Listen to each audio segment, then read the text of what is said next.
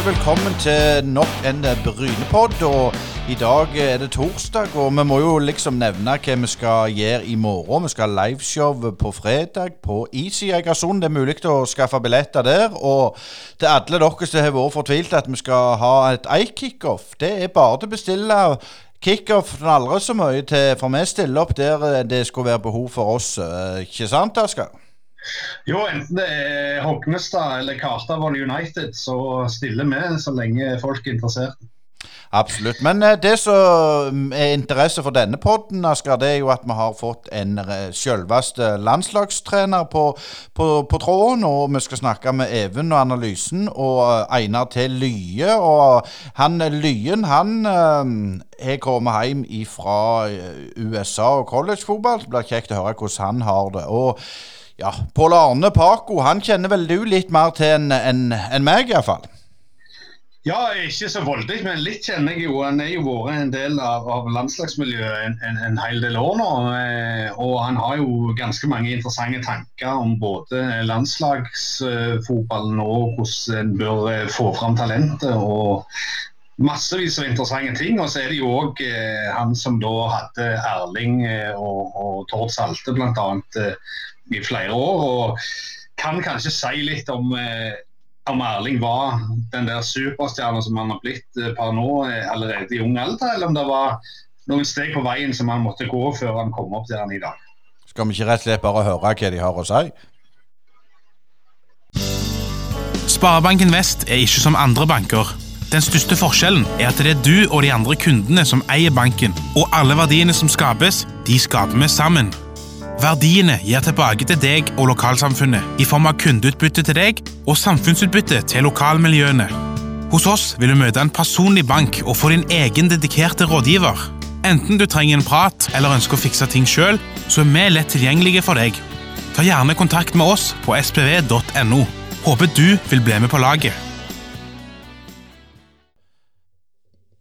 Brynepoddene de fortsetter, og da skal vi over til analysehjørnet med, med deg, Even. Og det ble et litt sånn kjedelig tap der borte i, i Grimstad i helga.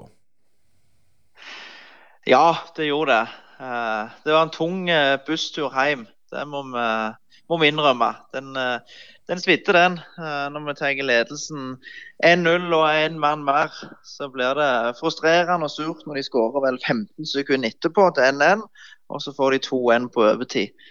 Så det er sånne kamper som er skikkelig tunge. Men uh, vi er klart å få en god treningsuke. Og, og så var vi litt nede første dagen, og så er vi kommet oss oppå igjen. For det, Kampene kommer fort her nå.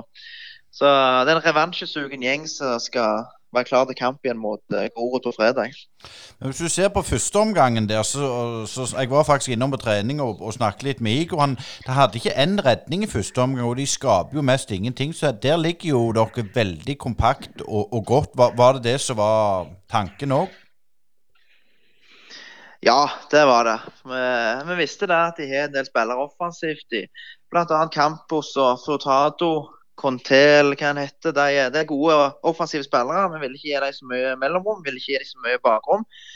Uh, så Derfor la vi oss litt ned, og så ønsket vi å få noen gunstige, gode brudd som vi kunne kontra litt på dem. De bruddene fikk vi ikke nok av, vi fikk noen. Og så syns vi ikke at vi var gode nok til å utnytte dem. Det ble litt unøyaktig, litt for dårlig bevegelse etter vi vant ballen. Men det som sier, vi forsvarte oss jo veldig godt. Vi visste Jerv slår mye innlegg, er gode til det. Vi kom til noen legg, men ikke så mye. Vi klarte å nekte innleggene, og så klarte vi å stå godt imot i boksen når de innleggene kom. Så ble det et innlegg på, på skåring til NN som ikke klarte å håndtere det, men det gjorde vi iallfall i første omgang. Så, så det, var, det var solid, det. Så er det vel en stor sjanse i andre omgang òg, utenom de målene. Even, det er det veldig sjelden at vi har sett dere har hatt sånn utur eller hatt sånn sure tap. Eh, Iallfall etter at Brynepodden begynte å sende i, i fjor. Eh, er det liksom er det den største nedturen dere har hatt de to siste sesongene, den kampen der? Ja, nå husker du vel best det som skjedde sist, så det, det er vel naturlig å si det. Men jeg synes guttene jobber og står på. Eh, gjør mye bra med flytter beina godt, kriger godt. Og så er vi ikke helt fornøyd heller med at vi ikke klarer å skape så mye mer. Det er jo lite sjanser generelt i kampen. Vi har vel eh, den til Robert, som kommer på sida og prøver å skippe over overteit. Det er en veldig god redning. Ellers er det noen skudd fra distanse. Vi klarer ikke helt komme og produsere de store nok sjansene. Så Det er vi ikke helt fornøyde med. Men så er vi fornøyde igjen motsatt. Også, at Jerv heller ikke så mye muligheter. For Det ble jo det ble ikke en sånn finspill, det må vi jo si, på noen lag. og Det må jo banen ta litt av skylda. Det er ikke en topp, topp bane. Det var det ikke. Men eh, nå er det Grorud eh, til helga, et lag som, som eh, holdt på å si er kjent eh, i, i, i, og med at eh, Rolf Teigen var jo trener for dem. Og, og, de har jo eh, rykka opp i, fra det som var nivå fire og via PostNord til, til Obos. og Litt overraskende kanskje sett ut fra, fra treningskamper. sånn at eh, De har jo bedt fra seg ganske greit eh, så langt. Det er jo ikke et lag Bryne har spilt for mange kamper mot i historien heller. Eh, når du har kikket litt på Grorud, hva, hva, ser du eh, på det laget der? Et uh, godt fotballag. Uh, mange kvikke spillere som er gode med ball. Uh, det er jo ganske lav snittalder på laget, rundt 23 år. Så mange unge, gode spillere som har gode basisferdigheter. Spillende lag går veldig høyt med bekkene. Så er de tre spillere inne sentralt som skal bruke bearbeide og spille seg fri. Og så ønsker de å, å finne mellomrom bakrom. Så Der er de mange gode spillere der. Så Det blir, blir viktig for oss å prøve å nøytralisere det, og ikke gi dem de rommene som de ønsker. Og Så ser vi jo selvfølgelig uh, muligheter andre veien. De har sine svakheter, de òg. I likhet med vel alle andre lag så finner vi noen ting som vi skal prøve å utnytte. Men det er ikke tvil om det er et godt lag. De har fått en god start og har mange gode spillere. Og De har jo produsert en del gode spillere òg de siste årene, så har tatt steget opp til høyere nivå. Jeg blir ikke overraska hvis noen av de Grorud-spillerne som vi spiller mot på fredag, blir veldig gode spillere og spiller høyere enn Obos-ligaen. Litt tilbake til, til kampen mot Jerv. Vi skal ikke rippe opp i det for mye. Men jeg så eh, reaksjonene. De var fryktelig leie seg. Men så, så, var det jo, som Jan Halvor sa på podden etterpå, at det er sånt som skjer. Eh, mål etter mål, og at du får en, en, en mål på overtid. Så etter skuffelsen var, var, på en måte sluppet, følte du at, at, de er på, på trekk igjen? At de ikke fikk en mental, uh, mental krasj? Ja, det syns jeg. Det vil si, Vi ikke hatt mye motgang og mye stong ut det siste halvannet året. Så vi må gjerne ha noen tunge dager for å virkelig sette pris på de gode dagene. Så vi må, vi må tåle å tape. Vi må tåle å, få et tap og tåle at det uh, ikke går helt vår vei. Og så er vi ikke fornøyde da, med at vi har spilt nå 11 mot 10 i to kamper og tapt begge på slutten mot Ålesund og nå mot Jerv. Så det er jo læring og noe oppi hodet fort gjort å plutselig slippe seg litt ned, eller ta litt vanskeligere valg. Eller plutselig ikke ta det returløpet der. Lure seg inn i bevisstheten der at vi er en mann mer. Men vi må gjøre de samme tinga, om vi er 11 mot 10 eller 11 mot 11. Så Det er jo det som gjør det litt surt òg, at vi, vi, klarer å slippe de til sånn som vi gjør. Så er det læring av det òg. Så vi, vi, vokser på det, og vi lærer om vi skal utvikle oss og bli bedre. Så det er et ledd i, det, i det, dette her. Eh, dere står jo nå med, med sju poeng etter, etter, fem kamper, som er sånn omtrent halvparten eh, i, forhold til i hermetegn budsjettet. Hvordan, eh, hvordan, ser du på den fangsten? Ja, det, det, er helt eh, OK, det. Det er det. Uh, selvfølgelig hadde vi håpet å få stått igjen med noe mer etter de to kampene som jeg nevnte her nå. Men vi har møtt gode motstandere. Vi har hatt tøffe bortekamper med Ålesund og Strømmen og Jerv. Det er tøffe kamper. Og så har vi møtt uh, gode lag hjemme òg, i Ranheim og, og HamKam. Så det, det var et ganske tøft kampoppsett. Så vi har jo kommet uh, helt OK i gang. Så det, det kan vi ikke klage på. Så kommer det viktige kamper nå. Sant? Nå har vi jo Tre av de fire neste kampene er jo hjemme, og vi er vår gode hjemme. Så da håper vi å plukke en del poeng de neste kampene. Ja, det var det jeg skulle spørre om. Eh, to, to hjemmekamper på rad nå. Eh, hvor, hvor, viktig er det at dere passerer den der tosifra marginen eh, nokså kjapt nå og på en måte henger med der oppe? For det er jo veldig kort vei ned til, til faktisk næringsplass. Eh, det er, dere er bare fire poeng over, rett nok. Jeg har ikke spilt mange kamper, men du ser jo hvor tett det er i, i serien. Ja, det er sånn som Obos-ligaen. Så vinner vi neste, så er vi helt oppi der. Taper vi neste, så er vi helt nedi der. Så det er ikke, Vi ser jo ikke så mye på tabellen nå, den setter seg etter hvert. Men det, det er viktig å plukke poeng allerede fra starten av. Ja, det er 25 kamper igjen, men uh, poengene i runde 6 er like mye verdt som poengene i runde 29. Så det er viktig å begynne å plukke poeng jevnt og trutt. Det er jo ikke tvil om. Så det blir noen uh, viktige kamper nå, der vi har god tro på at vi skal sitte igjen med med poeng. Så er det jo tøffe lag vi møter nå òg, både i, i Grorud og Koffa. Og så har vi jo Start borte. Og så har vi vel Stjørdalsblink hjemme igjen. Så det, det er gode lag alle i Obos-ligaen, det er ikke tvil om det. Ja, Nå er det jo Grorud fredag eh, den 18. klokka seks, og så er det KFA da 22. tirsdag klokka seks.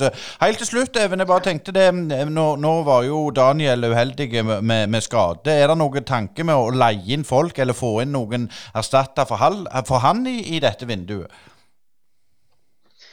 Ja, det, det, er noe vi ser på. Og så må det være rette spillere inn som passer inn i den måten vi spiller på. Eh, det er viktig for oss. Ikke bare hente noe for å hente.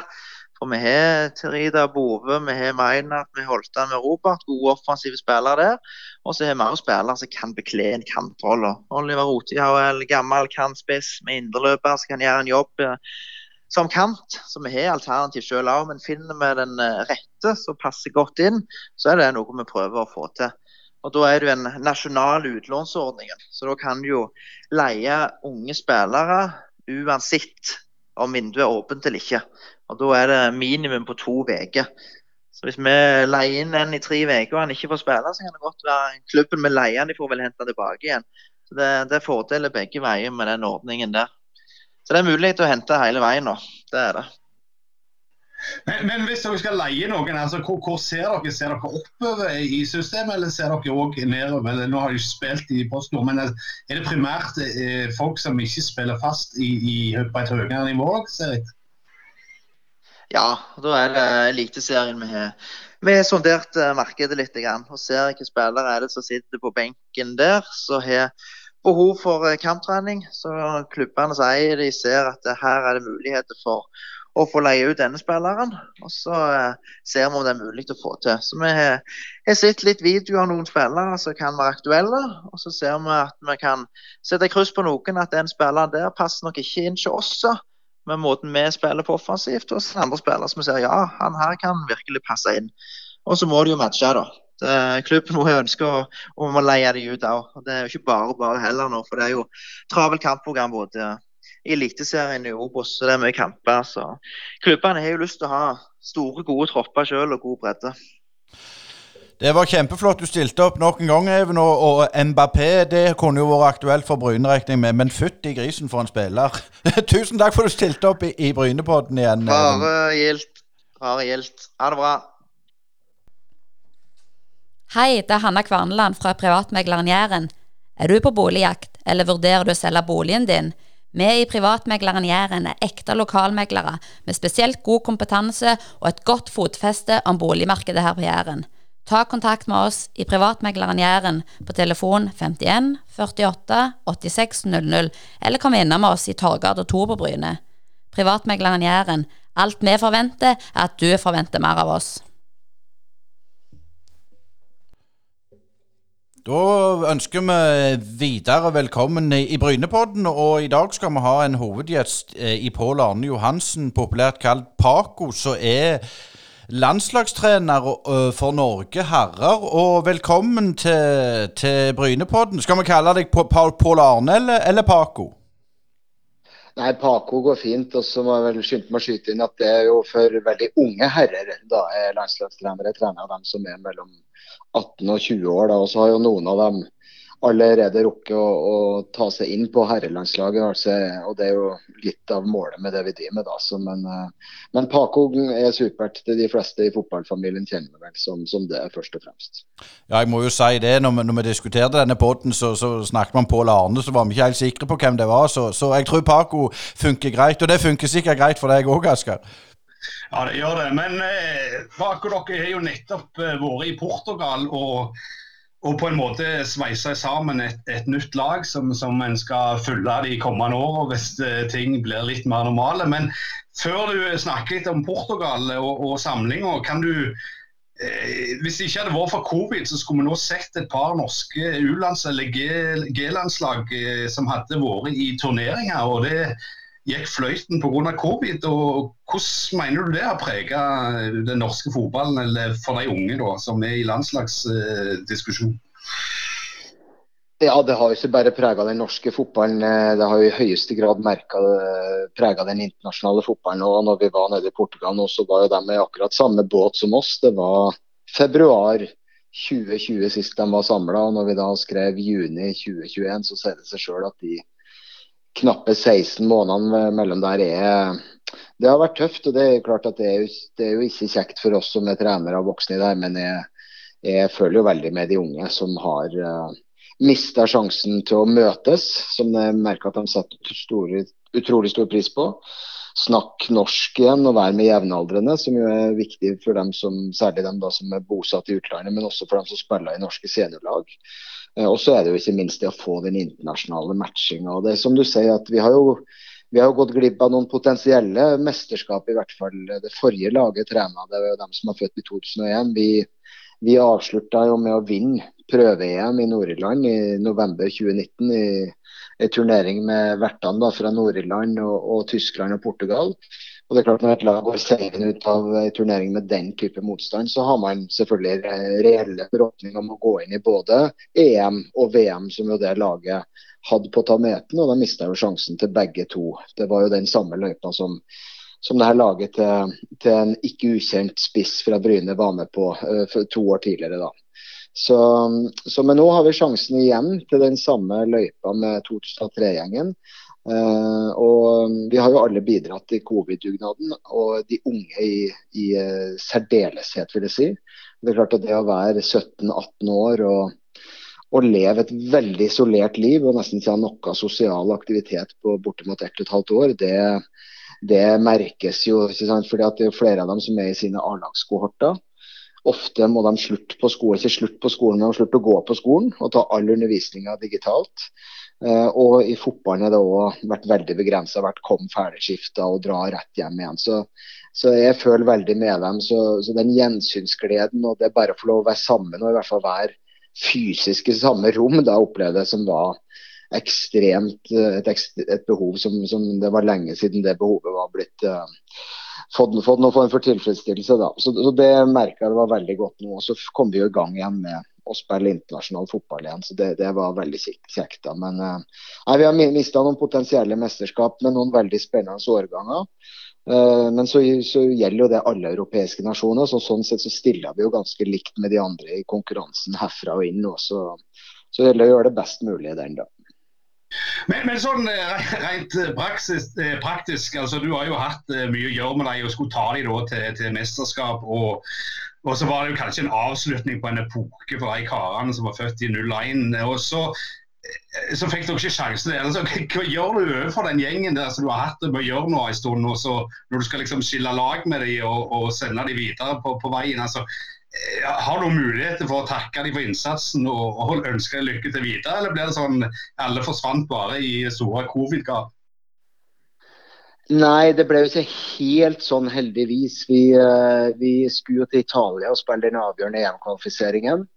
Um, og det skulle jo egentlig foregå da i mars 2020, og så ble det utsatt til september og senere oktober. Så vi møttes jo i september i Norge og hadde veldig god samling fikk forberedt oss godt. Vi fikk ikke spilt noen men vi fikk spilt en internkamp. Og vi var klare som egg alle mann for å dra til Italia uh, på, på, høsten her. Og det var jo litt sånn som det er nå. Når sommeren kom og varmen kom, så, så, var det jo en veldig synkende smittetrend både i Norge og hele Europa. Da hadde vi god tro på at det ble kvalifisering og så en utsatt form for mesterskap i Nord-Irland. da. Eh, litt sånn som U21 igjen, hvis dere har fått med dere den. og Det var jo både i mars og juni. Litt den varianten hadde lagt opp til. Så Vi trodde jo det skulle skje, og så var det jo dessverre sånn sist høst at smittestallene dessverre steg og steg igjen. og da, da måtte vi bite i det sure fotballeplet og bidra til på en måte både verden og, og samfunnet vi lever og Det var selvfølgelig en enkel prioritering for både Uefa og oss. Men det klart det, det ble en sånn uh, andre bølge av skuffelse òg. Men vi var i hvert fall sammen i september, og så hadde vi da i, i månedsskiftet oktober-november tror jeg, så hadde vi et sånt avslutningsmøte på Teams Um, som, um, som, vi brukte tid på å takke hverandre, og mange av spillerne sa noe, og de fleste fra støtteapparatet. Så det ble en så fin avslutning som det kan få bli på, i digital form og med mange til stede. og så er jo de i gang nå med U21 og hadde jo sin kalle første reelle samling som U21-gjeng nå i Drammen i denne perioden. Så det er veldig godt å vite at de er i gang igjen og ikke har venta lenger enn siden september på å spille med flagget på brystet igjen. Så, så, men jeg følger jo med dem, det gjør jeg jo med alle årgangene jeg hadde. Så, men, men, det er klart det var, det var litt stusslig å avslutte med Teams-møte istedenfor et mesterskap. Det, det, er stor forskjell på de to tingene. Så, så jeg håper det blir annerledes med den gjengen vi er i gang med nå. da. Men, men, dere er jo ikke altså, eh, dere er jo ikke de som får mest medieoppmerksomhet og, og blir snakket eh, mest om rundt forbi i, i pressen og media. Men hvordan går det fram når du skal på en måte ta ut den nye gjengen som du skal være med og føre videre? Altså, er det de fleste av de har de allerede vært med siden de var 15-åringer, eller ser dere liksom pga. situasjonen òg, ser dere litt bredere enn bare de som er kjente i systemet de siste åra, som kanskje er de som har pekt seg ut på en måte. Men er det mye sånn forarbeid for å ta ut en ny gjeng? Ja, det er mye forarbeid. og Et lite uttrykk for, for det du spør om, da var jo at den uh, første, første elveren som starta i Portugal, vi spilte to kamper mot dem, der var det jo fem av utespillene, altså halvparten, som aldri hadde starta en landskamp før. Fire av dem spilte sin første landskamp, og femtemann spilte sin andre og sin første fra start. da. Eh, og så ble det også eh, en debutant og to til etter det. Så det er klart at eh, det er grundig forarbeid, og vi ser jo bredere enn det segmentet som har vært med før. Men det er klart at dem som har vært med siden oppstarten når de er 15 år, det er jo da man begynner med landslagsaktivitet. Og de her spilte jo mot Portugal i sin første landskamp ever også, i denne turneringa i Italia, Østerrike og Slovenia, er vel, som er veldig sånn mini-VM for 15-åringer. Ehm, så, så, har vi jo fulgt med dem siden da. og Det er jo sånn i NFF-landslagsverden at eh, Gunnar Halle trener jo de såkalte oddetallsårgangene frem til de blir 17 eh, år, og så tar jeg over. Og så er Jan Peder Jalland som da trener partallsårgangene frem til de blir 17 år, og så er det Louise Pimenta som tar over. Og det er klart Den vekslinga fra den ene treneren til den andre, det er jo en ganske grundig prosess der man går gjennom Eh, alle spillene som har vært med, alle som har vært aktuelle. Eh, og får overlevert på en måte alle kampene på video, alle kamprapportene. Og, og denne gjengen hadde jo spilt 26 landskamper da, så jeg har jo satt meg inn i de 26 kampene, hvem som har spilt og sett kampene osv. Så, videre. så det er en god oversikt. Og så har det gått som et sånt andre ledd i den prosessen ut til alle toppklubbene i vid forstand, ganske mange andredivisjoner òg, men i hvert fall Eliteserien Obos, og kartlagt og spurt utviklingsansvarlig og på en måte dem jeg kjenner i apparatene, f.eks. Even i Bryne. Hvem er det som er landslagsaktuell, hvem kan bli det i løpet av perioden osv. Så, videre. så jeg har en bruttotropp på 60, 60 spillere nå. Um, og så gjorde jeg da, når det ble litt utsatt oppstart nå pga. covid i vinter, så tok jeg en samtale med alle 60 på Teams. Uh, og har holdt dem på en måte um, i loopen siden det. og Så var liksom de 60 som var kandidat når vi skulle ta ut 22 nå. Og Da er det jo tidligere prestasjoner og ikke minst det som har skjedd i det siste i klubb, som er, som er det som er viktig da. Så nei, Det er en grundig prosess med mye jobb. Eh, og så ble det jo litt ekstra jobb nå når det var litt innreisekarantene og sånn, på hvem kan være med og hvem kan ikke være med. Så det var jo noen som meldte forfall pga. det. Og så var jo totalt sett vel 30 spillere som ble på en måte tatt ut. Og så var det 22 til slutt som reiste. Så nei, det, er en, det, er en, stor prosess, og det er en veldig viktig prosess det her å, å bli kjent med hele årskullet. da. Uh, både de som spiller i Norge, og i dette kullet så er det også ti stykker som allerede har flytta utenlands. Som er aktuelle. Så, så, og i vanlig, en vanlig tilstand så velger jeg å reise og besøke alle på forhånd, men det var ikke mulighet til nå. Men jeg har jo oppretta kontakt med alle 60, og, og, og, på en måte kjente dem litt før vi dro til Portugal. Men klart nå kjenner de mye bedre. Ja, Du snakker om 60, 60 mann som du har oversikt over, men du snakker òg om at det er en del som de som alt er i utlandet. og eh, Hva snakker vi om slags klubber da, og hvordan ser du på det med å reise ut tidlig kontra å bli hjemme og slite seg opp gjennom systemet? Ja, jeg, jeg, tror man må, jeg, jeg, tror man må slite litt uansett hvilket system man skal opp igjennom. Da. Så, men nei, vi, har jo, vi var jo Lisboa, vi har faktisk to spillere i Sporting Lisboa. Så det er jo fra, fra Sporting Lisboa i, i, sør til Ross County da, i, i, nord, for å kalle det. Vi hadde jo Leo Gjelde, som jo er Celtic-spiller på lån der. da. Så, så, har vi jo en i Tyskland, vi har en i Belgia, vi har en i Danmark, vi har jo noen i England. Så det er jo spredd uh, utover uh, i fotball-Europa, ofte i, i, større nasjoner da, som har store klubber. og Vi, klart, vi starta jo første kamp her med de tre lengst frem i banen er fra Manchester City, Manchester United og Chelsea. Så det er jo, det er jo et bilde litt på, på, noen klubber som de her spiller ned i, da, i tillegg til ja, nevnte Sporting Lisboa, Augsburg, Anderlecht, Celtic. Og så har vi jo Andreas Skjeldrup, som vi har flytta fra 04-kullet i Nord-Sjælland, som vel er den som har spilt mest på, på, på sitt respektive A-lag. Så det, det, er spredd utover uh, fotball-Europa, da, og det er jo, det er jo spennende å, å, høre litt hvordan opplevelsen er av, av de ulike fotballkulturene og klubbene de er. Når det gjelder å reise ut tidlig, så, så vet vi at i det store bildet så så er det jo forskning internasjonalt som tyder på, litt uavhengig av hvilken nasjon du kommer fra, så, så viser det seg at det har ingen eh, si, positiv påvirkning på karrieren din som senior å reise ut veldig tidlig som junior. Kanskje snarere, snarere tvert imot da, i det store bildet. Eh, og, og, vi har jo, eller Min erfaring er at eh, jeg skal ikke si at det ene er bedre enn det andre, men den veien gjennom å være i norske klubber og stadig søke å få nye utfordringer før man går til utlandet, den er i hvert fall en veldig farbar vei som jeg syns eh, Erling er et godt eksempel på, som jo begynte i Bryne, gikk til en litt større klubb i Molde eh, og fikk være med både på Eliteserien og dra det langt i cupen og ikke minst e-cup i Norge med en norsk klubb, før han gikk til Salzburg, som er jo heller ikke den største klubben i Europa og i et land som ikke er så mye større enn Norge før han så gikk videre til en, på en, måte, en virkelig storklubb i en stor liga. da.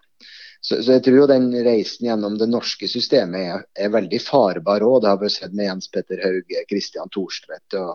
Jeg bruker alltid å si det her å runde Eliteserien og på en måte spille seg ut av den på en måte, eller beherske den virkelig, da, det er, det er i hvert fall en veldig farbar vei uh, for å bli ordentlig gode. Mange av dem her satser jo på å bli ordentlig gode og bli topp fem-ligaspillere og A-landslagsspillere, som jo Erling og Jens Petter eh, og Kristian eh, har blitt. Han er ikke Kristian er topp fem-ligaklubb ennå, men han er jo på god vei.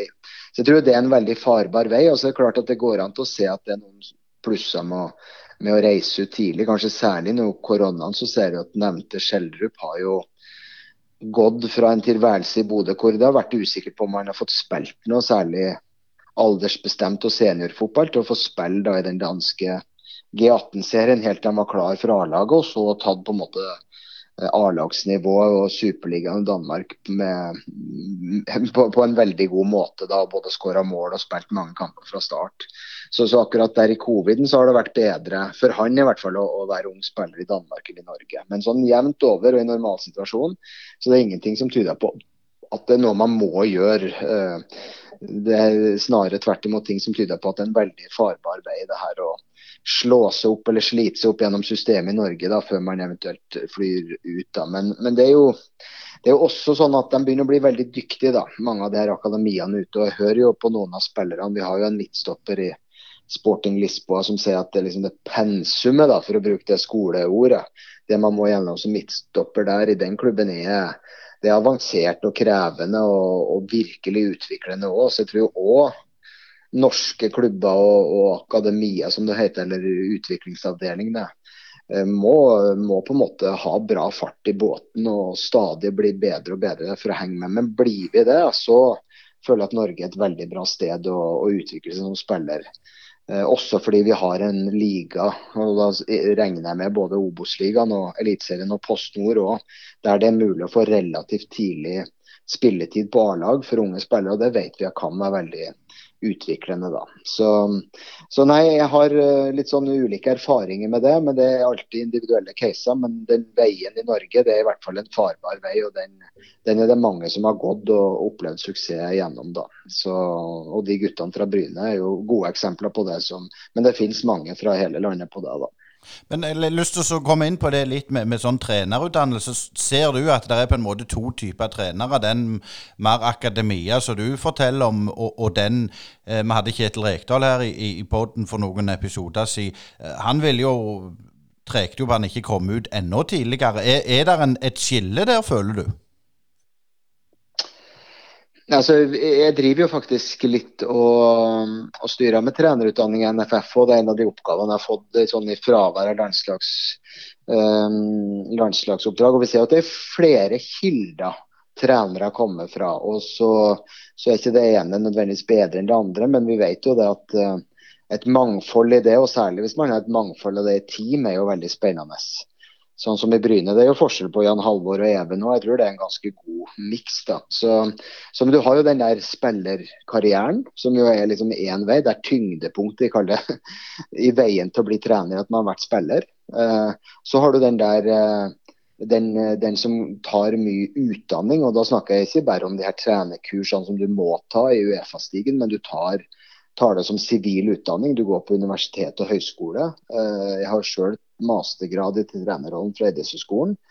Eh, det er jo en annen vei, og, og, vi ser jo det at mange av de eh, landene vi bør sammenligne oss med, som ikke er så veldig folkerike, eh, men som har veldig god fotballsuksess og, og større enn vår, der er det jo på en måte fremveksten av den type trenere og ledere som, som ser ut til å være en, en, en del av forklaringa. Da er Portugal veldig nærliggende. Der er jo, Det å være fotballtrener er jo sidestilt med det å være lege, både sånn i utdannelseslengde, men ikke minst i status i befolkninga. Så det, det, er ingen som på en måte finner på å være uenig med en fotballtrener i vurdering, mens i Norge så gjør jo nesten alle det hele tida. Så, så, men de, de, har lang universitetsutdannelse, de fleste fotballtrenere i Portugal. Det samme ser du litt i Nederland og, og, og Belgia er jo litt inne på det samme. Så, men det er jo en, en type. da, Og så har du jo dem som begynner som trener veldig ung, eh, og rett og slett får en praktisk erfaring som trener gjennom å være trener lenge. Det er jo typisk spillere som, som blir skada tidlig og må finne en annen vei. og Vi har jo noen eksempler på det i, som er blitt kjent i Norge. Ole Martin Nesserquist i Strømmen, vi har Erik Kjøne som er i Stabæk nå, som var i Grorud. Sjøl var jeg jo litt sånn i den kategorien òg. Jeg ga meg jo som spiller relativt tidlig. Um, for, for, å satse på treneryrket. Så Det er jo også en kategori. Og så har du en fjerde gruppering som også er veldig spennende. Det er jo dem som har, har en viss lengde på et yrkesliv, et annet yrke.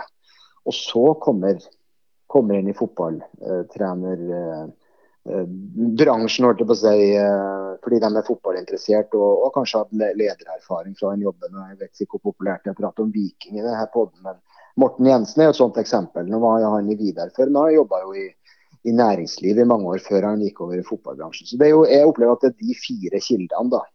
Uh, og at de er forskjellige, selvfølgelig, og at man er uenig om ting. og Jeg tror det er miksen av det, da. både i et team og i Norge, som, som gjør at vi kan uh, ta steg som fotballnasjon. og Jeg, jeg syns ikke at det er en av det bedre enn det andre. det er liksom de her menneskene med ulik bakgrunn må møtes, og meninger må brytes. og og jeg, jeg, tror det er sånn vi blir eh, bedre sammen. Da, at vi har respekt for at, at, vi kommer fra ulike steder og kan ulike ting. Og at det er liksom summen av det som blir, blir bra. Da. Så Noen mener at det er tidlig å reise ut tidlig er bra for flere. Noen mener at det, det, er bra å bli hjemme. Jeg er jo litt sånn, Siden jeg er litt utdannet, så liker jeg å vise til litt fakta. Da. Fakta er jo at Erling har gått den veien. Jens Petter har gått den veien. Kristian Thorstvedt har gått den veien. Så, så vi har i hvert fall nok av Sander Berge har gått veien. Martin Ødegaard, selv om han reiste ganske tidlig, liksom runda Eliteserien før han gikk ut. Så mange av de beste i Norge i dag, Ayer det samme, har, har på en måte lyktes i Eliteserien før de gikk ut. Så um, mitt poeng er at det er i hvert fall en veldig farbar vei, det, men det er absolutt ikke den eneste. Nei, og det finnes fordeler ved det å reise ut tidligere. og Det var jo f.eks. Jon Arne Riise et eksempel på. Mm. Så det, det, er flere veier til rom, og jeg er liksom opptatt av at vi forstår det. da, Så er det å finne den rette veien for den enkelte som er litt av kunsten i det her. da. Jeg har lyst til å gå inn på litt det som du har hatt mange Bryne-spillere eh, under dine vinger. Det er klart, Andreas Ueland er en, og Einar uh, Tunheim Lye begge valgte å, å si opp jeg holdt på å si, si opp kontrakten med Bryne og reise til, til uh, collegefotball. Hvor mye kjenner du til amerikansk fotball, eller soccer? da? Er det, tenker de likt, eller er det sånn helt annerledes enn forhold til europeisk fotball? Jeg tror det er viktig å se på Jeg kjenner jo litt, Det var jo på kvinnelandslaget sammen med Bjarne Berntsen i fire år. og Da var USA eh, da som nå eh, verdensledende. Eh, og Det er jo viktig å se at de er jo ofte topp 10, topp 15 på Fifa-rankingen på herresida. Så det er jo en stor fotballnasjon, selv om de var var, en, var på en måte seint på ballen, så er de jo litt sånn en late bloomer i, i fotballverden da. Så, så, det er klart uh, USA som fotballnasjon har veldig mange gode spillere og, og driver med mye bra. Men det skulle bare mangle òg. Det er et veldig stort land og et, en idrettsnasjon der det med toppidrett har en veldig stor plass. da. Så, så USA er så stort. Det er mange som mener at det ikke er ett land, men at det er 50 eller hva det er stater. Det er jo litt sånn, og sånn tror jeg det er med fotball nå. Hvilket college du kommer på, hvor mye de satser på fotball si, kontra utdanning. Det er jo både òg, men hva er vektinga der? Um, har de kontakt med en, ML, uh, eh, med en sånn Major League Soccer-klubb eller ikke? Um, det er mange sånne spørsmål den greia der. Den amerikanske ligaen er i ferd med å bli ganske bra. Uh, fin miks av uh, europeisk og amerikansk inspirerte trenere, og det samme på spillersida. Der er det jo mange fra Sør-Amerika og sånn òg. Så jeg tror det er en spennende liga både å være trener og spiller i. Vi har jo Ronny Deila der nå, så han er jo rett mann å spørre spør mer inngående om det. Uh, men vi har hatt flere nordmenn som har vært der borte og, og jobba. Erik Soler var vel der i New York og osv. Så, videre. Så, så det er i ferd med å bli en bra liga. Um, også når det gjelder det å, å reise dit over som ung spiller, så, så, tenker jeg vel at det er litt som med, med det store bildet. at det er ikke jeg har ikke noe tro på at det nødvendigvis er noe pluss. da. Uh, og, det, og, det, er mer usikkert enn å bli i Norge. Uh, så, men så jeg kjenner jo Andreas godt. og sånn, og det er klart sånn som Han er opptatt av flere bein å stå på. Jeg, jo, jeg, kjenner jo flere som har vært i USA. det er klart Man kan få veldig god utdanning og veldig gode år og en livserfaring som er fantastisk. Men det, det, er på ingen måte noen garanti for at man blir en bedre fotballspiller. Det er det ikke, men, men det igjen så avhenger det tror jeg veldig av hvilket miljø, hvilken by, hvilket college, hvilket universitet. Uh, I tillegg til hvor, hvor mye drive en har for fotballen kontra liksom den sivile utdanninga i det. Så, så, men Jeg kan ikke all verden om, om, det å reise over yngre, men, men, det er jo så veldig mange historier i norsk fotball der folk har vært der og så kommet tilbake og blitt si, tipp topp europeisk spiller. Det er det ikke foreløpig, i hvert fall. Så, så Det er litt det samme bildet som de andre. Det er individuelle tilpasninger, men det er absolutt ingen garanti for at det gjør at man, man når sine sportslige mål. Det, det vil jeg si. Eh, jeg har lyst til å flytte fokus litt tilbake til et, til et eh, foredrag du hadde i, i, 2018. Et eh, relativt kort foredrag på 20 minutter, man si. Men du stilte et, et, veldig interessant spørsmål der som heter 'Gir vi drømmen en sjanse?' Der du snakket om spesielt tre ting.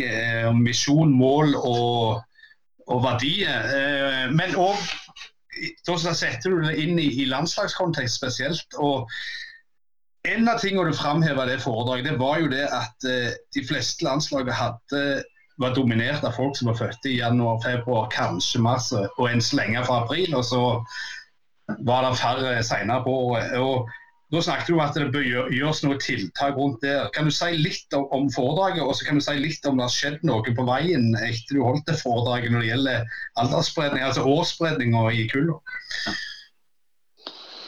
Ja, jeg er jo, jeg er jo glad for å, for å, for å, for å høre at, at, det jeg snakka om i 2018 fortsatt blir huska i 2021. Da må jeg ha gjort noe riktig på de 20 minuttene. Så det er vel, vel, det som er anbefalt lengde på sånne foredrag òg. Hvis det ikke så, så slutter folk å følge med. Så det var kanskje det som var hemmeligheten, da. At, at det var kort nok. Um, så det, det, er ikke så lett å si noe kort om det. Men hvis jeg skal prøve å oppsummere det litt, så, så, så jeg ble jo litt sånn bergtatt, må jeg si, når jeg kom hjem etter tre år i utlendighet. Det var jo et par år i Legia Warszawa der, som skal møte Bodø-Glimt i Champions League nå. Det blir jo spennende. Uh, og, et år i Italia. Uh, kom hjem og på en måte opplevde dette her hadde skjedd noe i Norge med spillerutviklinga i Norge. Jeg husker jeg var på det her G16 og G19-finalen i Telenor Arena. og liksom, Jøss, det her, her svinga det litt av både spillere og lag. og Det her var jo voldsomt hvor proff det var. Så, og så, så fikk jo den landslagsjobben her i sammen med mange, og begynte jo da med en sånn to og en halv måneders turné Norge rundt, der jeg liksom møtte de Det var nesten 60 da òg, som var aktuelle for det her landslaget som vi snakka om i stad. Og da var jeg på Bryne og traff både Andreas og Adrian, ikke Erling faktisk, for han var jo ett år yngre da. Han er født i 2000, så det var jo de 99-erne da.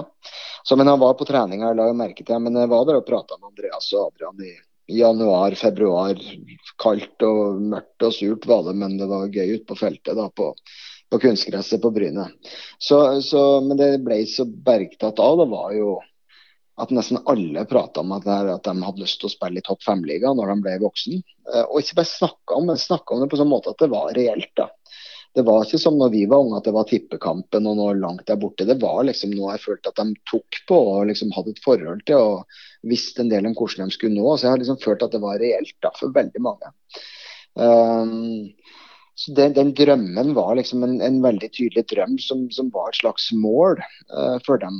Og det det fascinerte meg. da, og da begynte jeg å stille spørsmål om vi, da, vi voksne, vi som rigga til fotballen for de her eh, unge fremadstormene, om vi kanskje er den største bremsen i, i på en måte utviklinga deres. Så der kommer det spørsmålet gir vi drømmen en sjanse fra. Altså, det er mange klubber.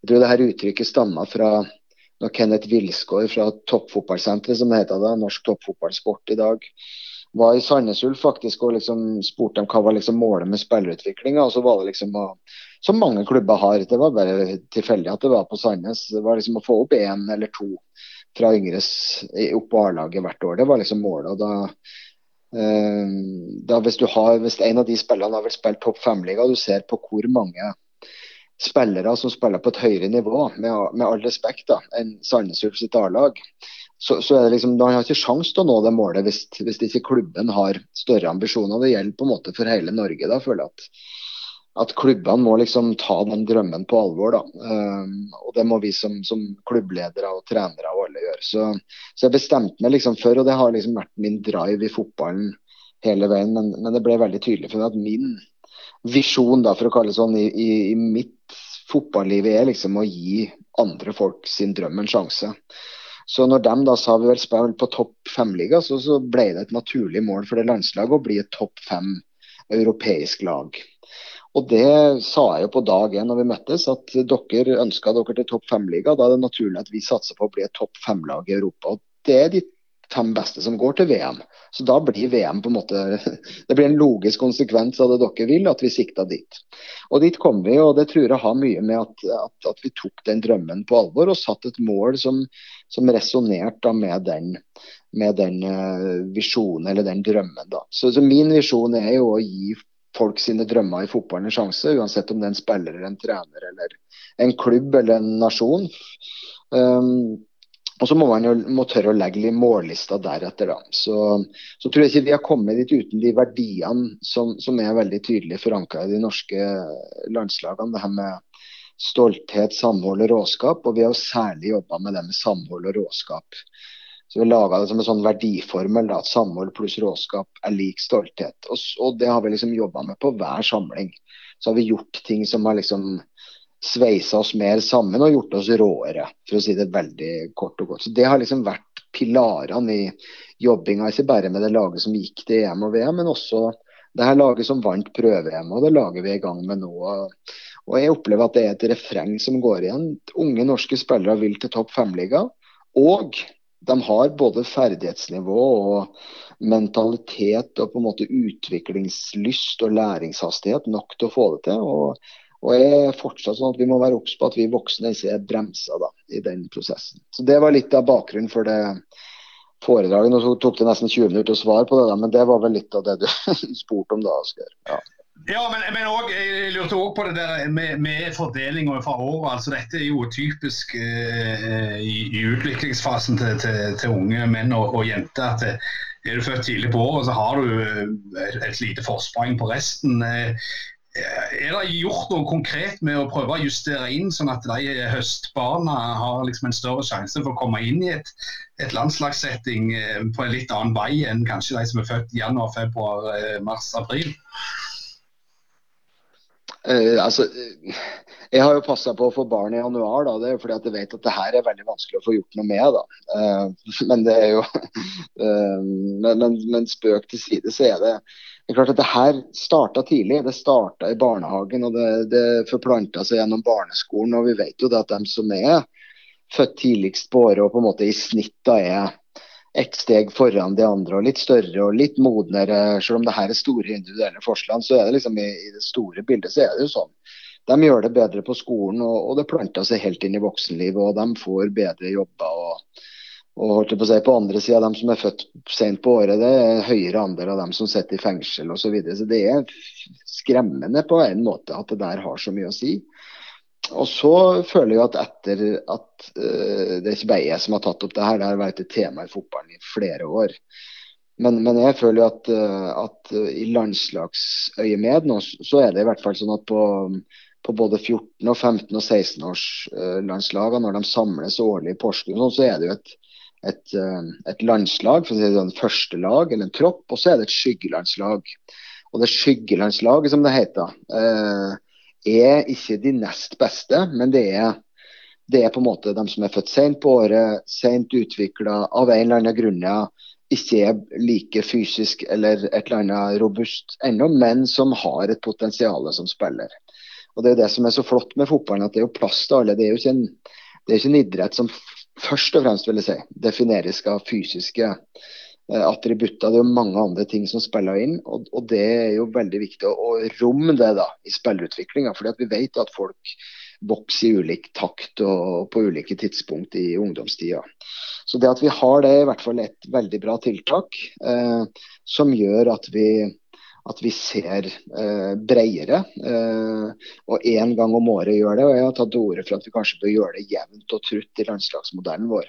Sånn at vi, vi snakker om denne vekslinga fra 17 til 18 år, at vi har nok samlinger der til at vi kan både se de, de som for øyeblikket er best, og dem vi har mest tro på som av en eller annen grunn er, er, henger litt etter i den fysiske utviklinga. Det bør ikke være et handikap som henger med dem hele tida i fotballen. og der hva det jeg snakka om på det foredraget, tror jeg det her med likeverd som en verdi, som jo har vært veldig forankra i Fotballforbundet, at det er likeverd i praksis. At en, en, gutt eller jente som er født i september eller november, som henger litt etter, men som er veldig talentfull med ball, som har de rette holdningene, som trener masse, og som liksom vi skjønner at det her kommer til å bli bra den må også få minst det samme tilbudet som en som er født i januar, og som i hermetegn flyter litt på fysikken. da. Eh, også for sistnevntes skyld så bør, jo, bør, vi jo være klar over å sette nok krav til utvikling av de rette tingene i ung alder. Så, men det der er, det er, vanskelig, for det starta så tidlig. Eh, og det det gjelder er at vi på en måte alle er obs på det. Både med barn vi får og barn vi er i nærheten av og hele veien oppover. At det skal ikke ha så mye å si for livet ditt når på året du tilfeldigvis er født. Eh, det vet vi at det har hatt i litt for stor grad, og så får vi gjøre noe på flere fronter da, for, å, for å prøve å imøtekomme det. Da. Og Jeg føler vi er godt i gang på fotballen der. og så får Vi, vi får gi det noen år nå, når vi ser, før vi ser an eh, hvordan, hvordan her uh, forløp. da. Men, men, jeg opplever òg at en økt bevissthet nå uh, i hele landslagsmiljøet. At vi, vi må scout og ta ut spillere litt mer på potensial og litt mindre på her og nå-prestasjon. Så F.eks. på midtstopperplass, som jo er et tema, og det skjønner jeg godt i norsk fotball nå, så må vi på en måte tørre å, å på en måte bruke nok tid på dem vi tror kan bli noe, men som, som kanskje henger litt etter i utviklingen. Eller som er blitt veldig høy og tynn og lang og dårlig koordinert akkurat her og nå. Så Det er noe med å med å se gjennom her og nå og se på potensial og fremtid som ikke er lett, men som vi, jeg føler vi tar det mer på alvor nå. Har flere kalle, verktøy i verktøykassen for å håndtere denne problemstillinga. Men eh, du nevnte jo det at, at du, du, du var, var opptatt av fakta, så da kan jo jeg si det, Pål Arne, at du er jo født tidlig på året. ja. Og, og, og din fotballkarriere den har jo ikke vært sånn Han har vært god, men han har ikke vært sånn fantastisk. Men jeg ser faktisk at du har to mål for, for Lyn i, i, henholdsvis 98- og 99-sesongen, der ett av de er mot Bryne på Ullevål stadion, der du spiller bl.a. med El Fakiri. Og hvorfor ble ikke du en toppspiller? Det var et veldig fint mål da, å legge til det. Det var faktisk tippekamp og jeg tror tunnel på Roger Eskeland der. Så, men eh, nei, eh, det som var litt interessant med Hassan, han er forresten i trenerteamet til Luis Pimenta nå på G17. da. Så han er jo blitt en, um, han er blitt en god fotballtrener og han ble en fantastisk spiller. Men vi konkurrerte jo veldig, vi er født i samme år, omtrent samtidig, tror jeg. Så, så vi, vi, vi fighta om den der ankerrollen da, på, i Lyn der i Obos-ligaen. da, uh, i, i ja, 98 og 99 år, og vi veksla på å ha plassen. Vi var på en måte omtrent like gode. Um, så var jo når Hassan flytta til Brann at han fikk et voldsomt løft. Uh, og var eksempel på en spiller som flytta hjemmefra og, og, kom til et nytt miljø og blomstra der. da han, eh, han var jo litt sånn mister lyn allerede som veldig ung spiller, så, så han hadde veldig godt av det miljøskiftet. Og etterpå så tok jo karrieren helt av. da. Så så nei, nei altså jeg, jeg, vet ikke. Jeg har jo noen hypoteser om det. Jeg var jo relativt bra som ung, men ikke helt sånn tipp topp. Men jeg var lukta på landslagsplass. Jeg var jo på landsdelslag og jeg var i Porsgrunn på talenter og sånn. Um, men jeg mistenker jo kanskje at jeg trena for mye, da. At, at uh, det her var jo på tidlig 90-tall, der Norge begynte å gjøre det bra i olympiske grener. Det var en veldig sånn bevegelse på at alle skulle trene veldig mye. og Vi vet jo det at hvis man trener for mye i ungdomstida, så vi snakker om det med vekst og modning, så kan man jo stoppe og vokse. og og jeg, jeg, var jo første kullet på NTG fotball i Bærum og flytta jo til Oslo for å bli fotballspiller.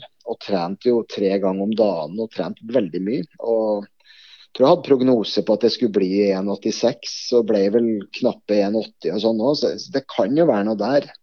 Um, så så jeg, jeg, fikk Jeg hadde i hvert fall Jeg, hadde, jeg, jeg var for treig. Jeg var ikke eksplosiv nok. Jeg hadde veldig bra spilleforståelse og bra fot og sånn, men jeg var ikke ikke, det, det, gikk ikke fort nok, da. Uh, mente de som hadde greie på det den gangen, da. Um, så, men, uh, men jeg var jo også veldig tidlig innstilt på å bli fotballtrener, da. Må jo si det. Så... Men bare avbryt det der. Når var det du fant ut at nå når jeg ikke toppen av, av, fotballstien, jeg vil bli trener. Er det noen sånn spesiell ja, det... hendelse?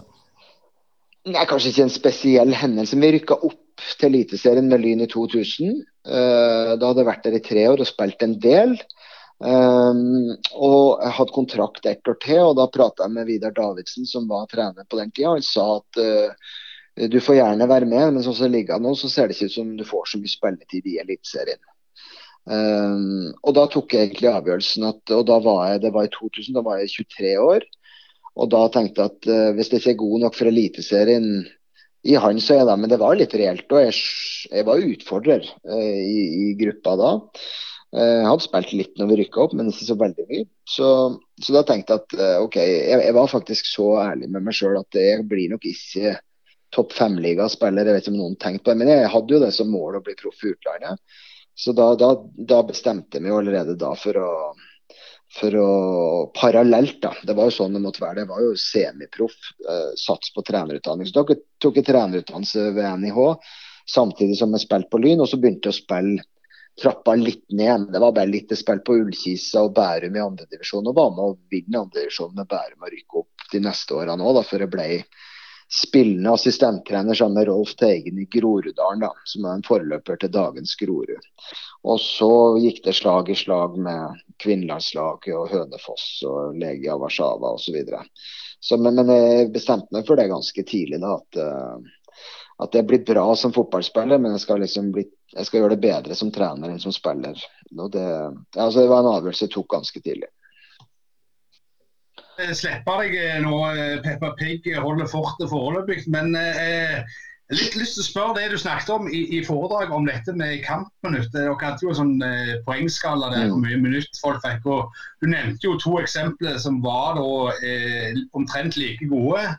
Eh, han ene spilte eh, vanvittig mye flere minutter i, i, høyere divisjoner enn han andre, som, som stort sett spilte litt junior og sånn. Altså, eh, litt sånn generelt, altså tid er det et slags tog som begynner å gå da, når han ikke etablerer seg som fast A-lagsspiller i, i Obos eliteserie, når han begynner å nærme seg sånn 19-18-19? altså, er, er, det en sånn smertegrense der som, som sier at han karen der er på, på vei ned og, og, ikke kommer til å, å klatre videre i den landslagsgreia som har vært i, når han var kanskje 15-16-17?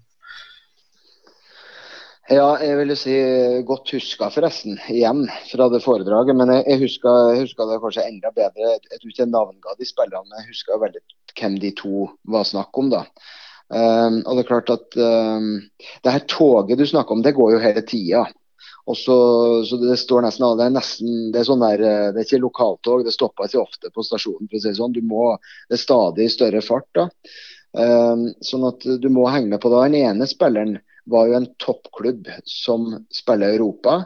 Han andre var en eliteserieklubb som stort sett havna midt på tabellen, litt på nedre halvdel, men som også er kjent for å, for å, for å slippe til unge spillere, og som har det som sin både profil og businessmodell, og har solgt vel spillere for 74 millioner ut av Norge her et år. Så, så den var jo på forskjellig, men like god, vil jeg si. Altså akkurat like god. Så det, det er jo ganske interessant. Så, så jeg, jeg tror jo jeg tror siden toget er i fart hele tida, så det er jo hele tida, og det sier jeg til spillerne når de spør òg, hele tida være en situasjon hvor det er utfordrende å få spilletid, men hvor det er en reell mulighet for det, det tror jeg er viktig. Og Derfor har jeg òg vært veldig forkjemper for denne fleksible utlånsordninga for norske unge spillere som vi har fått til nå.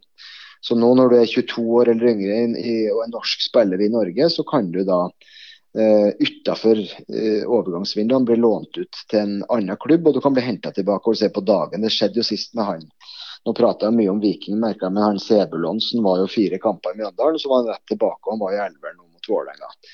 Den ordninga er jeg veldig forkjemper for, for jeg vet hvordan det der er. da. Og hadde han spilleren i denne toppklubben som spiller i Europa, hadde den muligheten da, så hadde han helt sikkert vært mye nærmere enn andre på den Eh, på den beregninga der. Og Det har jo skjedd etter at den ordninga kom, så, så, er det jo mye jevnere. De som ikke får spille i sine toppklubber, de blir leid ut til, til Obos eller Post Nord og, og, får en helt annen kamphverdag. og Det tror jeg er veldig avgjørende. da. Og Vi har jo klubber òg. Altså Nest Sotra var jo kjent for det, Raufoss er kjent for det, Strømmen. òg. som, som baserer en del av spillelogistikken sin, som er så fint heter, på sånne unge lånespillere i perioder. Så det, det har vært en suksess. Og det er det jo også fordi at det er et, et hav av unge, lovende spillere der ute som, eh, som, som det er plass til i, i toppfotballen i Norge. Det gjelder bare å finne ut akkurat hvor det er plass til dem akkurat her og nå. Så, så, det er jeg opptatt av, og det toget går hele tida. Derfor er jeg opptatt av at du må ha din dose med kamp jevnt og trutt på høyest mulig nivå.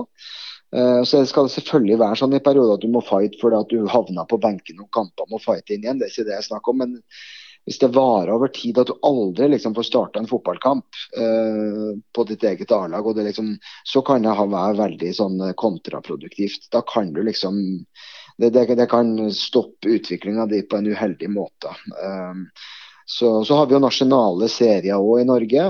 G14 og G16 og G18. Så vi jobber jo med det her at det er best mulig kamptilbud på, på alle alderstrinn for dem som vil bli toppfotballspillere. Og, og jeg vil bare oppfordre alle klubber eh, både til å låne ut spillere som, eh, som, ikke får spilletid, men som de har veldig tro på, men også leie inn spillere som, som, som, er i klubber i kanskje en divisjon over, som, som kan bidra på, på, laget. Så begge de to tingene er veldig bra. da. Ja, altså eh, Nå Vær så god. Kom igjen, Asker. Ja, eh, ja jeg, jeg, har lyst til å spørre, siden vi, vi har vært innom eh, Viking litt, vi må jo òg eh, ta et, et sånn Bryne-relatert spørsmål. Du har jo hatt mye å gjøre med både Tord Salte og, og eh, Erling eh, Braut Haaland. Eh, som vel for eksempel, er et godt eksempel på to litt ulike veier som begge gikk. altså Tord gikk tidlig til Frankrike, Erling reiste til Molde. Eh, hva er det som gjør altså, Erling er jo kanskje eksepsjonell av de eksepsjonelle, men altså deres vei, altså Tord er jo nå i Sogndal, og Erling er jo på Instagram og har ferie og storspill i Dortmund.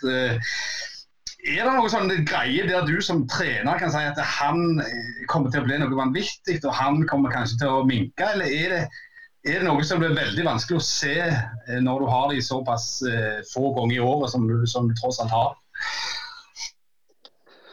Nei, Jeg tror ikke det har så mye med å se dem få ganger i året. Jeg vil jo si at jeg følger dem året rundt. og og det er jo litt som ellers i livet at når man, når man er sammen med folk eh, litt sjeldnere, så kanskje man ser utviklinga enda tydeligere enn hvis man er med dem hver dag. Så mm, vi skal huske det med Erling at han var jo i, i U17-EM der eh, i Kroatia og starta en kamp og satt på benken. og, og var liksom litt bak Erik Botheim og Jørgen Strand Larsen. og var det jo tre veldig gode spisser der, men det var ikke noe given i førsteelveren der. Som jeg tror handler litt om det vi prata om i stad, med vekst og modning. At han strakk seg veldig i den perioden og osv. Men, men eh, jeg tror ikke det var noen som på det tidspunktet f.eks. Eh, kunne si at det her liksom blir en, en verdensstjerne. Jeg, merka da jeg tenkte for første gang, var jo når vi var i Tyskland og spilte den her litt sagnomsuste EM-kvalifiseringa mot, uh, mot uh, Nederland, Tyskland og Skottland. Da.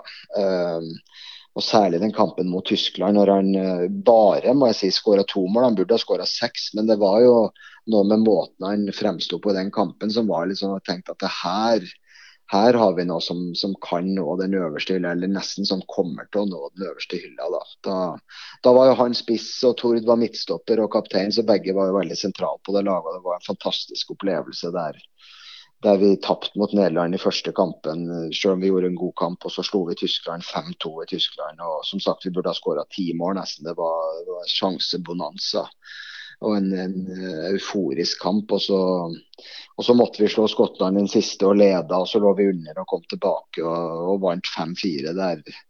Erling skåra på straffe på overtid. Så det, det var jo helt magisk. Men, men, det var da jeg på en måte første gang tenkte at det her, her kommer det til å være veldig spennende. Så jeg tror, jeg tror det var da Tyskland fikk øynene opp for han, for det var umulig å ikke gjøre det da på den kvaliken da. Men, men, fortsatt da så var det ikke given at det skulle gå si, så fort til toppen. Og ikke minst det som er imponert med Merling eh, de siste par årene, er jo stabiliteten. da. Én ting er å ha det sånn i rykk og napp, men det har, eh, det har rykka og nappa hele tida, for å si det sånn. og det det er imponerende. Når du er spiss og ung spiller i tillegg, så er det veldig sjeldent. da. Så jeg kjenner han jo ganske godt. og det er jo, Erling er jo leken og herlig og sosialt, og det er mye løye og sånn. Men det er jo profesjonelt altså, til fingerspissene. Og det tror jeg er med å forklare litt av den stabiliteten. da. Så, så det, det, det finnes så mange spillere som er mer nøye på ting og, og sitter og noterer ting når han ser på TV. Andre spillere går og legger seg på samme tidspunkt. og skrur av internett. Og så det er voldsomt profesjonelt. da. Og Det er ofte et kjennetegn på stabile toppidrettsutøvere. Så Det, det har imponert meg. Og så har han jo liksom en personlighet, og han er sosial omgjengelig og fantastisk kar da, som gjør at det, i et lagspill så er han også veldig kjekk å være med. da. Så Han er liksom både veldig profesjonell og veldig sosial, og det tror jeg er med på på den greia der. Men, men, eh, det er ikke lett å si når de er veldig unge, nei. Hvem som, uh, hvem som liksom blir best til, til slutt. Det, det, er det ikke. Tord var jo tidlig blant de aller fremste i sitt årskull. og, og, og er jo ikke det akkurat for øyeblikket. Så det, det der svinger jo, det, det vet vi at det gjør. Så, så det der det er opptatt av at vi må gi mange nok sjansen lenge nok og gode nok tilbud. Det er det som må gi drømmen en sjanse. Da kommer de som har det i seg å bli best til slutt, og bli det òg. Når, når Asker snakket nå om Peppa Gris, så, så, er det det fordi du sitter barnevakt, eh, Pål Arno. Det er jo fantastisk du stiller opp tross, tross litt eh, liv og røre i bakgrunnen, men det er bare herlig, det. Men helt til slutt, eh, dine egne ambisjoner som trener, har du, du noe du vil dele med, med Brynepoddene der? Er det, er det, vil du ut igjen? Altså, jeg har vært ute en tur, og det må jeg si var to fantastiske år der i Legia Warszawa sammen med Henning Berg og Kas Sokolowski og etter hvert Geir Kåsne.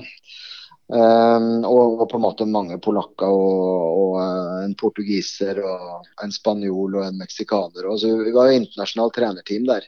Men jeg, jeg, jeg, har veldig lyst til å, til å komme ut igjen, og, og, så føler jeg jo jeg er ute ofte, da, i og med at det er landslagstrener og, og i det daglige jobba med internasjonal fotball. Så det er jo det som trigga meg. Det er jo, det er jo internasjonal fotball. Og, og det trigga meg selvfølgelig litt ekstra med Norge i det internasjonale bildet. Og det er klart Når vi sitter og ser EM nå og Norge igjen ikke er med, og, så er det klart at, um, at det, det trigga meg òg når Bodø-Glimt og Rosenborg og Molde og, og Vålerenga nå har trukket sine første e-cupmotstandere. Så, så merker jeg at det liksom det er der jeg trives aller best å jobbe med sånne type kamper og oppsett.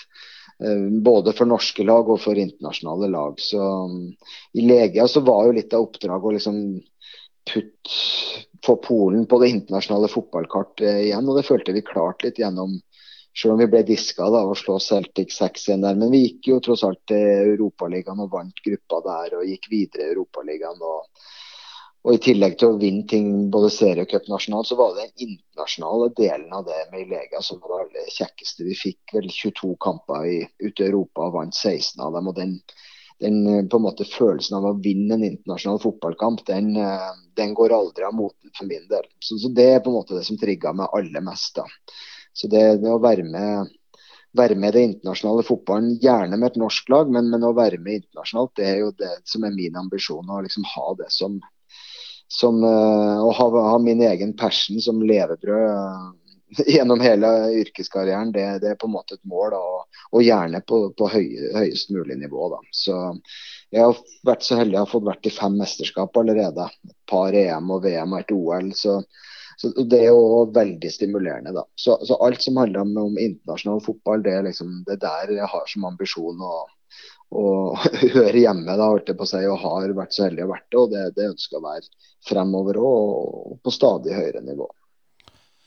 Da vil jeg bare si tusen hjertelig takk, Pål Arne, for du stilte opp i, i Brynepoddene. Og nå blir det vel Peppa Gris resten av kvelden? Det blir slåsskamp mellom Peppa Gris og EM-fotball. Så, så, får vi se hvem som går seirende ut av den fighten. Det, det er ikke så godt å hun, hun, er ganske sterk, vet du, født tidlig på året, så det er ikke så lett å vinne den fighten. Så nei da. Men uh, det, det, blir vel en blanding av det. Så um, det, det, er kjekt med, med, litt familieliv, men det er jo noen sånne konflikter òg, da. Så, men vi får ta den. Men jeg syns det er gøy å se på EM, så det, det blir i hvert fall en omgang nå med, med, med Danmark og Belgia etter hvert. Sparebanken Vest er ikke som andre banker. Den største forskjellen er at det er du og de andre kundene som eier banken, og alle verdiene som skapes, de skaper vi sammen.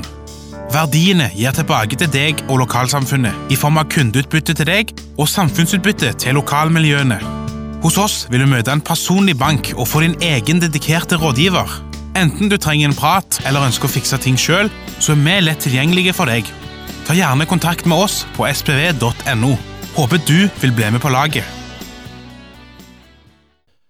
Da skal vi i Brynepodden rett og slett over i litt internasjonale fotball. Og Einar Tunheim Lye, du er fotballspiller for eh, Nå er jeg litt sånn engelskuttalen her. St. John's Redstorm. Storm. var, var, jeg inne på det? Ja, det stemmer, stemmer bra, det. Eh, fortell litt om hvordan er det å spille collegefotball, og hvordan er det det, det virker, for en som ikke vet det? Ja, altså det er jo, det er jo litt annerledes enn eh, en, hva skal jeg si, norsk eh, profesjonell eh, fotball, for å si det sånn. Eh, vi, jo, vi, går jo på skole, så det er jo et høstsemester eh, og et vårsemester. Og eh, den skikkelige fotballsesongen er egentlig bare på høstsemesteret. Så det er tre-fire måneder med intenst kampprogram der vi spiller to kamper i uka hele veien. Så det er, det er, liksom bare kamp, og så restituere, og så er det kamp igjen, helst. Eh, det går i, i ett i de månedene. Og ja, når jeg kom ned der første gang, så var det det var jo ekstremt uh, uvant og tøft, merker jeg òg. Og jeg var tung i beina ofte og måtte, måtte lære meg skikkelig hvordan jeg eh, restituerte best mulig og sånn. Um, men ja, så er det de tre-fire månedene da, så er vi, er vi vår egen uh, avdeling, eller sånn conference, som de kaller det. Uh, så spiller vi ca. halvparten av kampene uh, mot lag i vår egen conference. Og så er det de resterende halvparten, halvparten av kampene mot lag utfører uh, conferencen vår. Så det kan være egentlig hva for noen som helst uh, lag. Uh, så det fører jo til at vi reiser egentlig litt rundt over, over hele USA og får, og får oppleve med forskjellig og spille mot mange, mange lag. Ja, Einar, det er jo, eh, USA er jo vanvittig stort. Det er ikke en busstur til, til Kristiansand eller Grimstad. det der. Men hvordan, eh, så i praksis, dere flyr vel da imellom byer og er vanvittig mye på reisefot. og Hvordan har det vært under den covid-perioden som vi har, er inne for så vidt ennå? Nei, ja, det, du sier jo noe der. Det er jo eh, det siste året nå. Altså for, for, det første så var det vel høsten 2020. så, så, når vi egentlig skulle ha sesong, så ble det avlyst da. Uh, så det var jo drit. Da reiste jeg tidlig tilbake til Norge og, og var egentlig med Bryne og trente og sånn, og bare for å holde meg i form. Uh, for der i USA så pauste de alt, og vi fikk ikke lov til å gjøre noe, egentlig. og så ble det da våren 2021 Uh, så skulle vi få lov til å ha en sånn liten uh, ja, minisesong på en måte, der vi reiste mindre avstander og, og sånn. Så da, det ble liksom Pga. korona så eh, siden jeg kom, så har vi ikke fått eh, Så har det ikke vært den der skikkelige sesongen der vi reiser og spiller mot lag eh, fra alle plasser i USA og alt sånn. Så pga. korona da, så er det jo blitt skikkelig sånn amputert. Men, eh, eh, men nå til, til, denne høsten igjen, nå når jeg reiser ned i og begynner å trene og spille kamper i august igjen nå, så, så skal det høre til å være, være helt som vanlig igjen der. Så det gleder jeg meg til. Du er jo oppvokst på, på Undøy, Einar, og med all mulig respekt for Undøy. Der er litt forskjell på Undøy og New York. Hvordan har du takla den overgangen? Ja, nei, det så det, det var jo det var litt skummelt da i starten. Det var jo derfor jeg eh, har jo på en måte hele tida bare bodd hjemme og hatt uh, hva skal jeg si, mine venner, min omgangskrets. Uh, og alltid vært på en måte innen uh, nokså trygge rammer. da, Men uh, jeg tenkte til slutt at jeg var liksom hva var jeg, 19 eller 20 år siden jeg reiste til USA. Da tenkte jeg sånn at det, det er nå eller aldri om jeg vil på en måte oppleve noe helt nytt og prøve noe helt nytt. så jeg på en måte bare tvingte meg sjøl til å hoppe i det. og og bare se hvordan det, hvordan det, var. Så jeg fikk liksom den muligheten uh, uh, som ikke alle får da, uh, når jeg gjør det. Så da, da, ble det bare til at jeg gjorde det. Og, og, jeg er glad for det, for jeg har fått opplevd mye og, og, møtt mange nye folk. Og ja, hatt noen lærerike og gilde år der nede. da. Men eh, i, nå må vi snakke litt fotball. altså I hvilken grad eh, spilte det inn på ditt valg om å reise over utenom å være eventyrlyst og sånne ting, eh, at Bryne spilte da på nivå tre, altså i Post kontra å reise over og spille college? altså Nivåmessig, hvordan, hvordan er det i, forhold til si, Post og Obos, eh, det dere spiller der borte? og hvis Bryne da hadde rykket opp si, tidligere, hadde du blitt værende hjemme igjen, tror du da, eller hadde du reist uansett? Eh, det kommer jo alt eh, Alt kommer jo an på hvor mye jeg eh, fikk spille. Jeg syns altså andredivisjon i Norge var veldig bra nivå. og jeg, var, jeg, var, jeg spilte jo siste sesongen de aller, aller fleste kampene, så jeg var jo fornøyd med det, egentlig. og og det er ikke uansett at det hadde vært sånn en gang. Hadde de spilt i førstedivisjon, plutselig hadde de hatt flere spillere da henta inn noen nye eller noe sånt. Så det hadde egentlig ikke Det var ikke noe jeg stresset med, med at det var så eh, trist eller ringt å spille i andredivisjon. For det, det, er et bra nivå der, og det er alle som spilt der, eh, tror jeg vet det. Og at eh, forskjellen er ikke så stor mellom andre og førstedivisjon på, på mange måter her i Norge. Men eh, det, det, som gjorde det, var mest det at jeg bare ville, ville oppleve noe nytt og prøve noe nytt. og, og alt sånn. Uh, og når det kommer til nivå der nede, så, så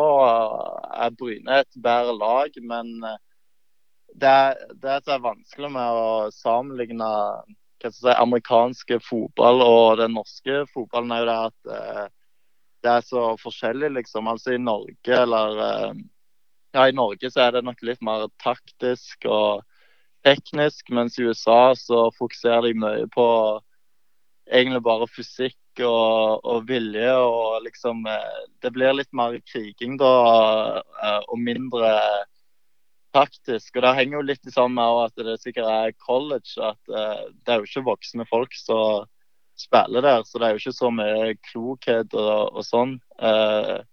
Sånn som det ofte er her i Norge, så spilte jeg jo mot voksne og med voksne, smarte, gode spillere. Mens der er det mange som er bare helt unge og uferdige og alt sånn, men så har de ofte eh, sjukt bra fysiske forutsetninger, da.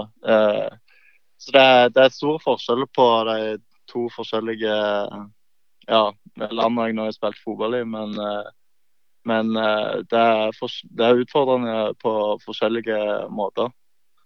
Men eh, jeg ser det, dere har vel en, en eh, coach som heter David Mansour, og, han har vel vært der noen år. Men altså, i USA så har de jo en vanvittig vinnermentalitet. altså Taper du der, så er det katastrofe. De liker jo vinnere. og Var det vanskelig å venne seg til den der kulturen på, på det tankesettet der, følte du? Ja, altså det var, det var litt det. Og, og treneren vår sa liksom han kan på, eh, på mange måter være eh, skikkelig sånn hard òg. Og, og, hvis vi liksom ikke gjør eh, ting helt eh, liksom eh, hva skal jeg si, optimalt, eller han bare eh, vil utfordre oss litt mentalt, så får, han, så får han oss liksom til å gjøre ting eller springe ekstra etter trening eller noe sånt. Så jeg merker de prøver liksom å teste oss uh, enda mer der. Og, og det skal liksom uh, uh, Det skal svi å tape, og, og, det er på en måte Ja, gjør de oss vante med på både trening og alt mulig, liksom. så ja, det var, det, det var, litt tøft. Det var liksom litt kulturforskjeller med hvordan en hvordan trenerne leder lag eh, i, forhold, eh, i USA i forhold til iallfall hva jeg har vært vant med eh, med trenere jeg har hatt i Norge og sånn. Eh, så det var annerledes regime der nede. og ja, Litt tøft, men som sagt eh, utfordrende og, og lærerikt òg. En kar fra unna. Jeg takler det meste, vet du. der.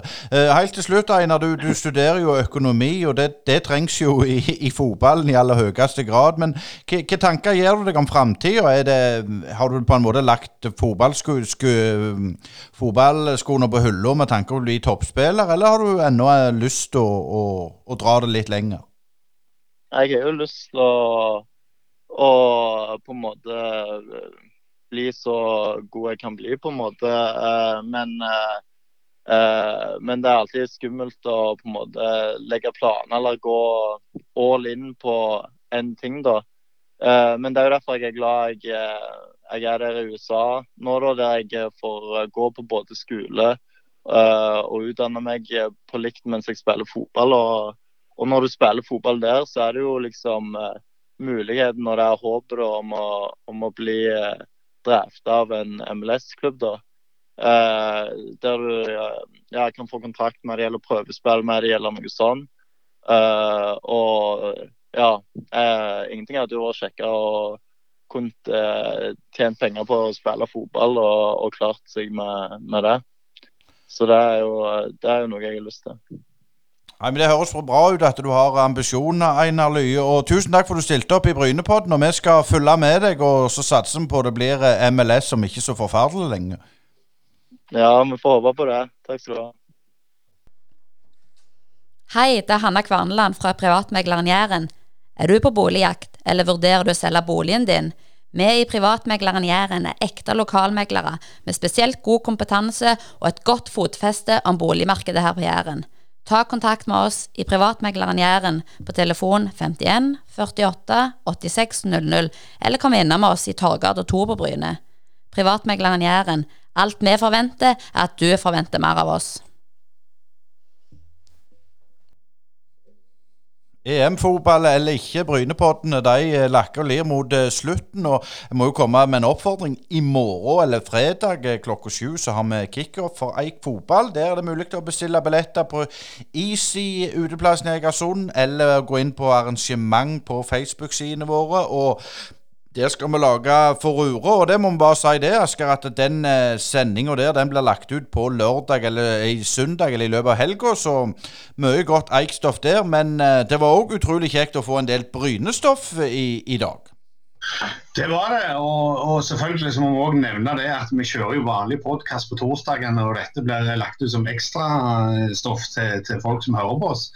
Eh, det som var veldig gildt, det var jo å høre eh, Even med analysen etter den kinkige kampen i, på Sørlandet. Og, og, litt fram mot eh, neste kamp, som blir viktig, og, og kampen etter det, som òg går før neste sending vi har. Samtidig så hadde vi jo en, en, en veldig interessant samtale med Paco, som, som, vel gir folk litt innsikt i hva som virkelig skjer innenfor de aldersbestemte landslagene. En ting vi ikke hører for mye av. Nei, og det skjer ganske mye. De har uh, god kontroll. Jeg ble faktisk litt overraska over hvor god kontroll de hadde. Og de har jo kartlagt alle spillerne. og uh, Imponerende arbeid, egentlig. Ja, det er jo det. Men det er jo en del av den moderne fotballen. Og, og kanskje er det en plass der de vanlige klubbene i Norge ligger litt bak når du ser hvor mye sånn dataanalyse som det der kom forbi. Men det kan vi heller ta opp i en annen sending. Men det blir eh, spennende nå inn mot eh, hva du skal kalle en sånn langhelg med, med, to viktige kamper. og Hva, hva tenker vi om dem, Øystein? Ja, jeg tror, jeg har jo sagt det at jeg tror vi vinner greit mot Grorud. Og så kan det bli litt tøffere mot Koffer, for de er et spillende og et godt fotballag. Det er Grorud òg, men de tror jeg vi tar. Så jeg tipper fire poeng jeg, etter denne, denne langhelga. Hva, hva tenker du? Ja, jeg, jeg, eh, ser ikke vekk ifra at det kan bli resultatet, men jeg tror jo faktisk litt motsatt av deg. At eh, kanskje Grorud blir tøffere enn eh, KFM. Ikke det at de er bare speidergutter i KFM, men, men, det at Det har jo litt å si med at Bryne har hjemmebane, og, og, det er litt folk på stadion, og, og gresset er grønt. og En tar fordel av det mot disse kunstgraslagene for Oslo. Speidergutt Elias skal neste pod på torsdag. Eh, det blir, eh, det blir ganske spennende gjest. Vi skal ikke røpe, men jeg tror ikke det er så mange som hadde tippet at den kom. Det tror ikke jeg heller, og da er det litt eh, tema for hovedgjesten den gangen. Jeg er litt ymse, men det blir en del om EM, så mye kan man